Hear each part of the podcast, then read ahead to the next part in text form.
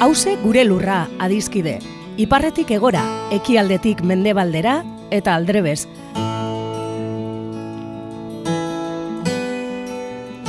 Lurra bakarra dugu edo gaituen lur bakarra da hause. Eta zaintzak dan hori dagokigunez, hemen horretaz egingo dugu berba. Lurraren zaintza kontu ekonomiko, ekologiko eta politikoa da, baita kulturala, kolektiboa eta publikoa.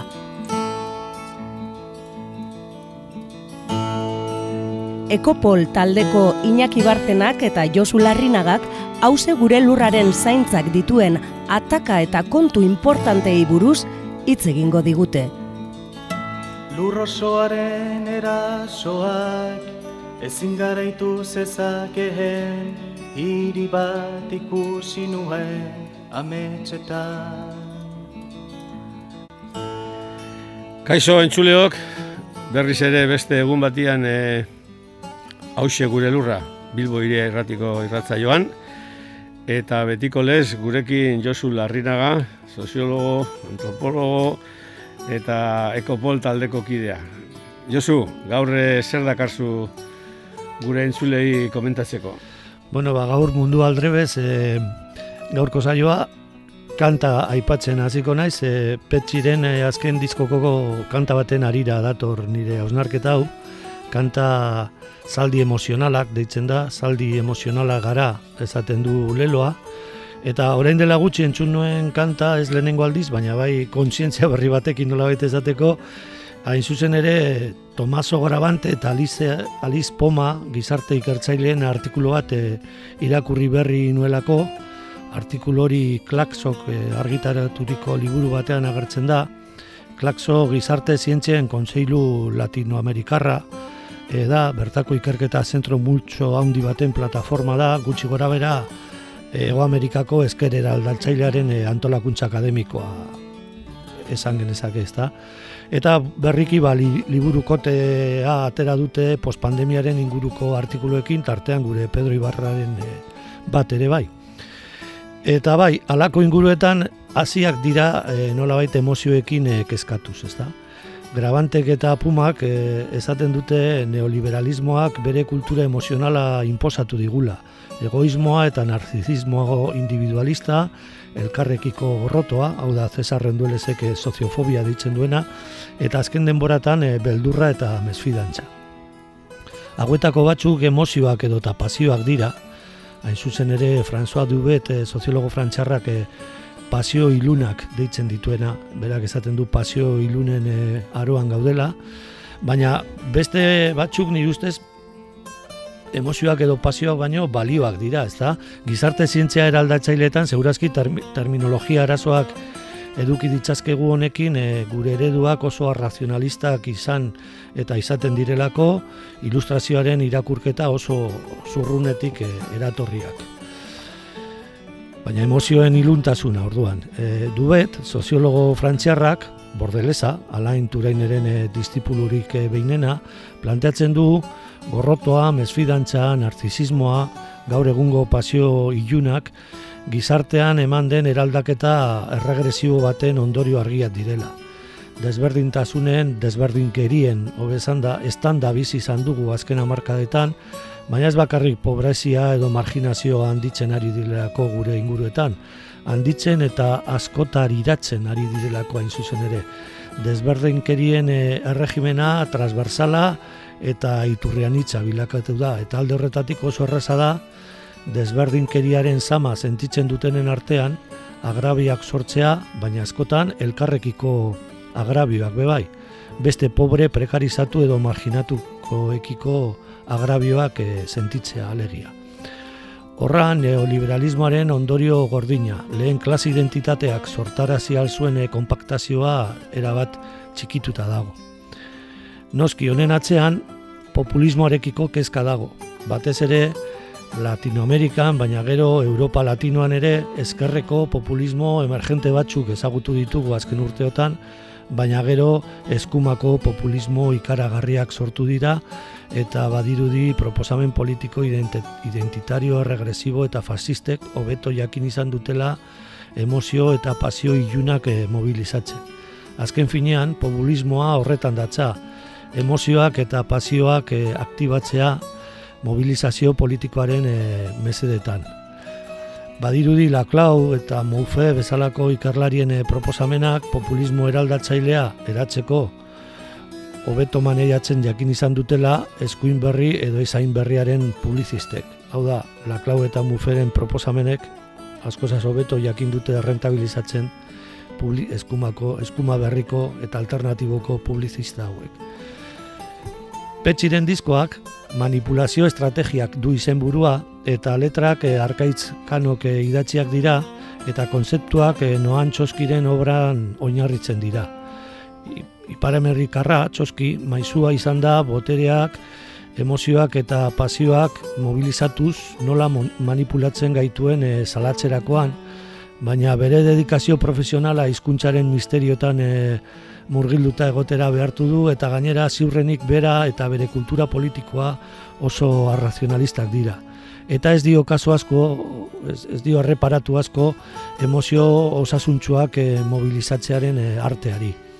Bai ordea beste ikartzaile batzuek, ni bereziki azpimarratuko nuke txoskiren e, distipulo txat ardezak egun e, George Leikov, eta honen obra eta Antonio Damasio orainarekin e, Manuel Castelek e, egindako sintesia eraldaketa sozialaren eh, marko kognitiboak ideiez eta emozioek emozioez osaturik daude eta ikasi behar dugu hori mobilizatzen, ulertu behar dugu guzti horretan ez bakarrik berbak eta konzeptuak, musikak, dantzak, irudiak eta barrek emozioen sortzaile kalegia duten e, potentzialitatea.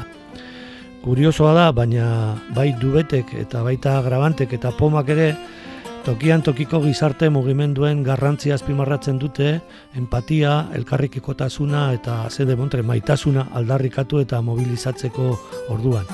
Kultura emozional kontra hegemonikoa sortzekotan, e, berabantek eta pomak esaten duten moduan. Guk ere Jorge Rizmanen poesia ura goratzen dugu, la belleza de la abuela general, greba orokorraren edertasuna, edertasuna eta emozioa baina emozio positiboiek elkarrekin aritzean, kaletik, martzan, kantetan eta dantzan aritzean sortzen, sortzen dira. Baita naturarekin kontaktuan egote, e, egotean, e, naturan e, murgiltzean nola baita, ezta? Aldiz e, publizitatean, telebistan, sare sozialetan, adituak dira pasio ilunak e, mobilizatzen. Eta begiratzea besterik ez dago, askotan, jokaleku perverso horretan aritzen diren asmo honeko batzuek zenolako ondorioak e, lortzen dituzten. Pablo Hassel rapero jeidarrak kalean beharko lukegon eta eskubide osoa du bere pasio ilunetako herrimak oinarri ziztrinen gainetik eh, errapeatzeko, baina artistikoki zein etikoki bikaintasuna Pirineoaren beste puntan dago bidazo, bidazo aldean petxiren emozioz beteriko ahots zarkorrean. Ederto, bueno, ba, musikarekin hasi zara eta musikariekin bukatu. E, bai, nik e, entzun dudanean, e, bueno, e, planteate duzun e, gaia, ber, ba, burura etorri zait, George e, Leikov esan duzu, bueno, Lakov, e, berdin dio. E, hau da, e, e, liburuzka hortan esaten duenean e, ez e, esazu pentsa elefante batengan, ez?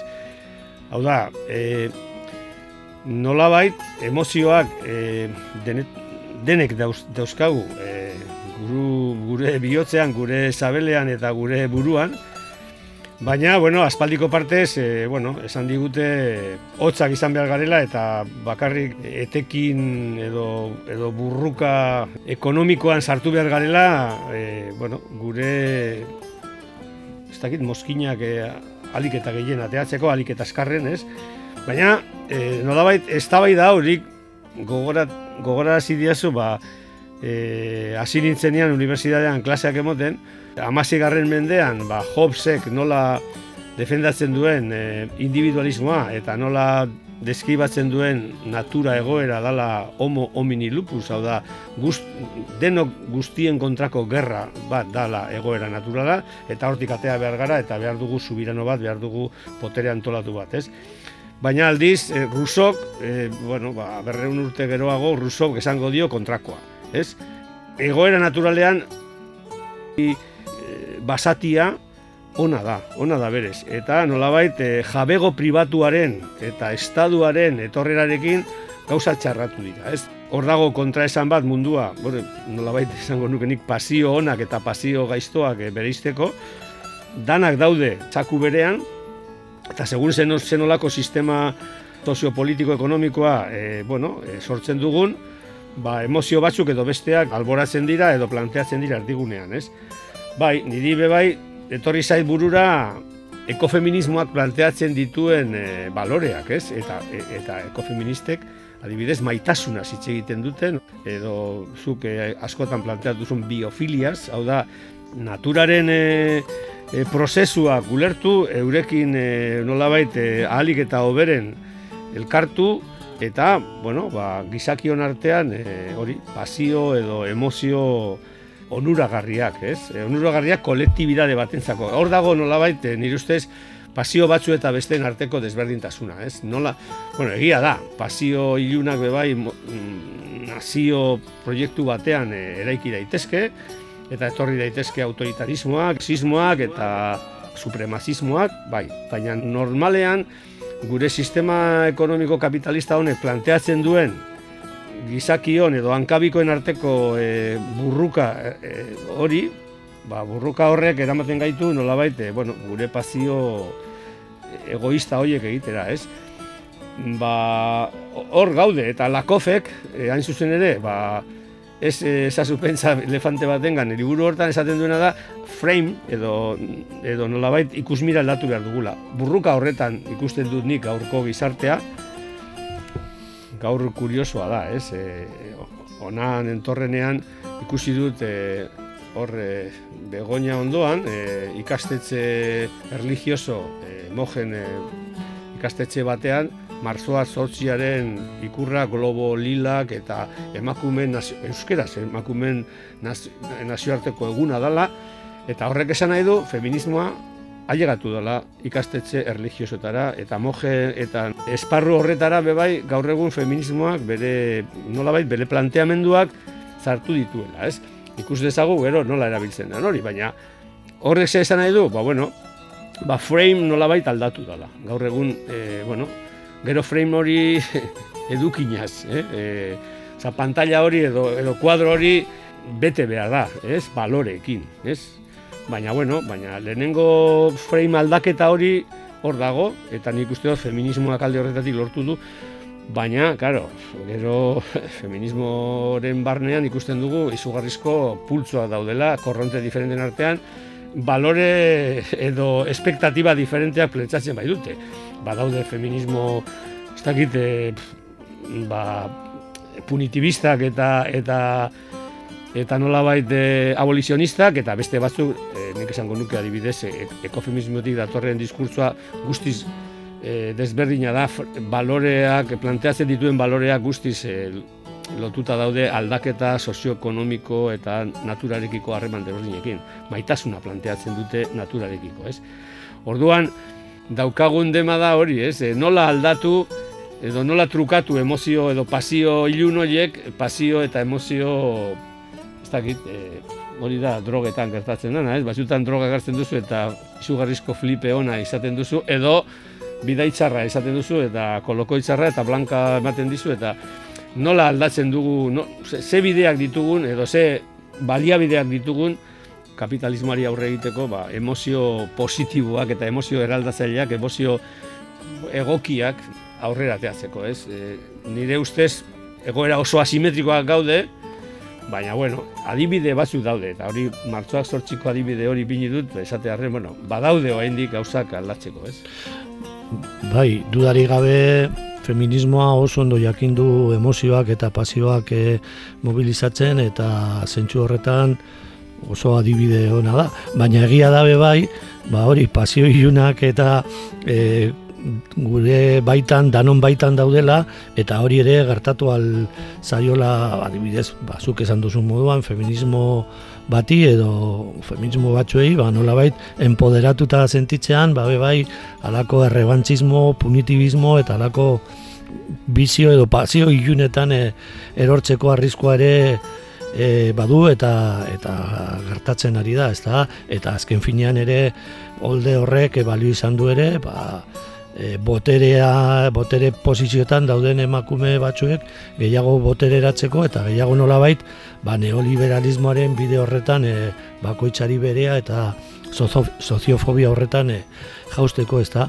Eta egia da ere, pues ez dagoela errezeta magikorik, baina bai e, dubetek eta besteek e, Tomaso Grabante eta Aliz Pumak esaten dute moduan, e, gizarte mugimenduetan, gizarte mugimenduen e, e, ekintzetan eta gizarte mugimenduen e, antolaketetan e, zulmatzen da emozio positiboen aldeko e, jarduera eta hor hori da nola baite e, ba, zelaia e, alako emozio positiboak sortzeko baina nik hori esango nuke batez be komunikabide gehienen eta sare sozial berrien e, eremuan e, hor bai badirudi nolabait hor naturalki garatzen direla pasio ilunak, gorrotoak eta inkluso edo zein tontokeria batengatik e, alako zeak e, sortzen dira, ezta? Eta hori horren horren arriskuak e, ba kontzienteak izan behar dugu.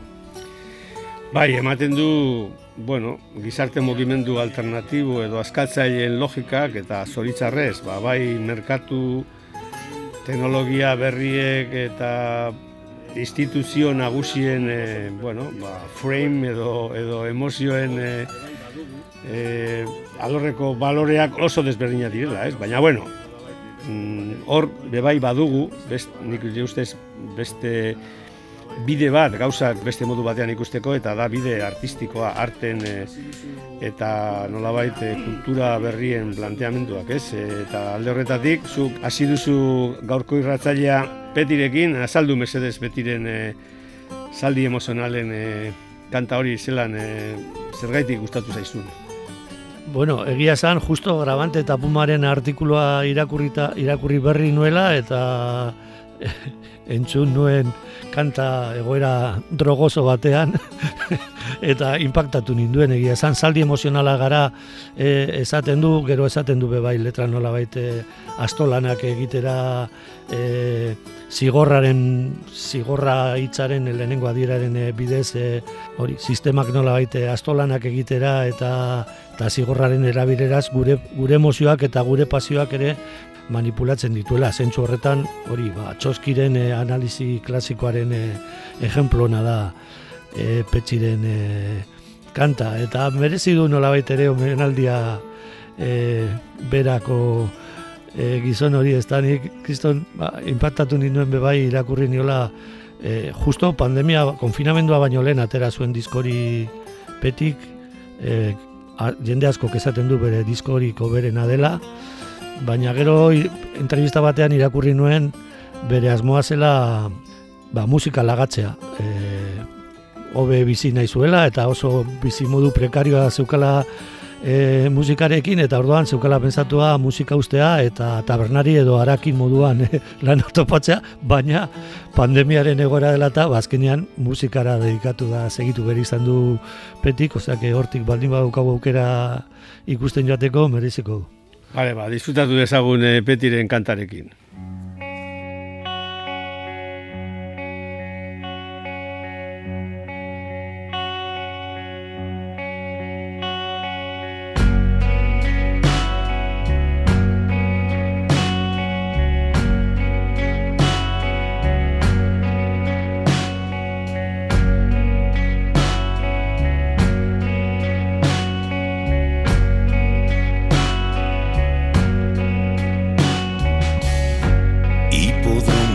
isila kalea bera bada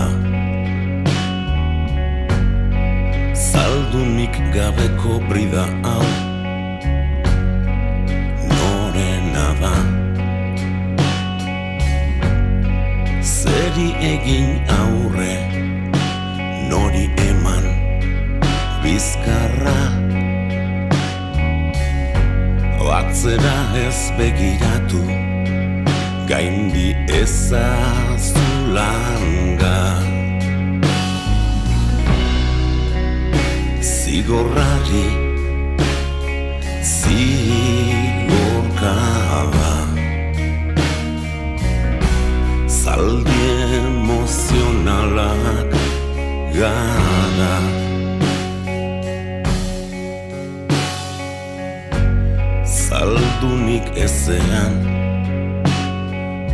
Oakaso karabana Dara magun gurdian Nordea brua ba Zangopea daukat Ferraz ongi joa Hiltze ekin josita daude Gure asmoak. Zigorrari Zigorkaba. Zaldi emozionalak gara.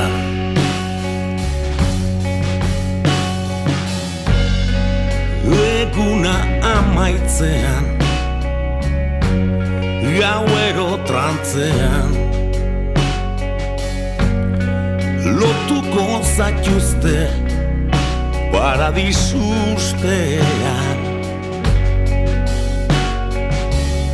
Torturako xoenen Baratzean. Zaldia izan arren Zabiltza asto lanean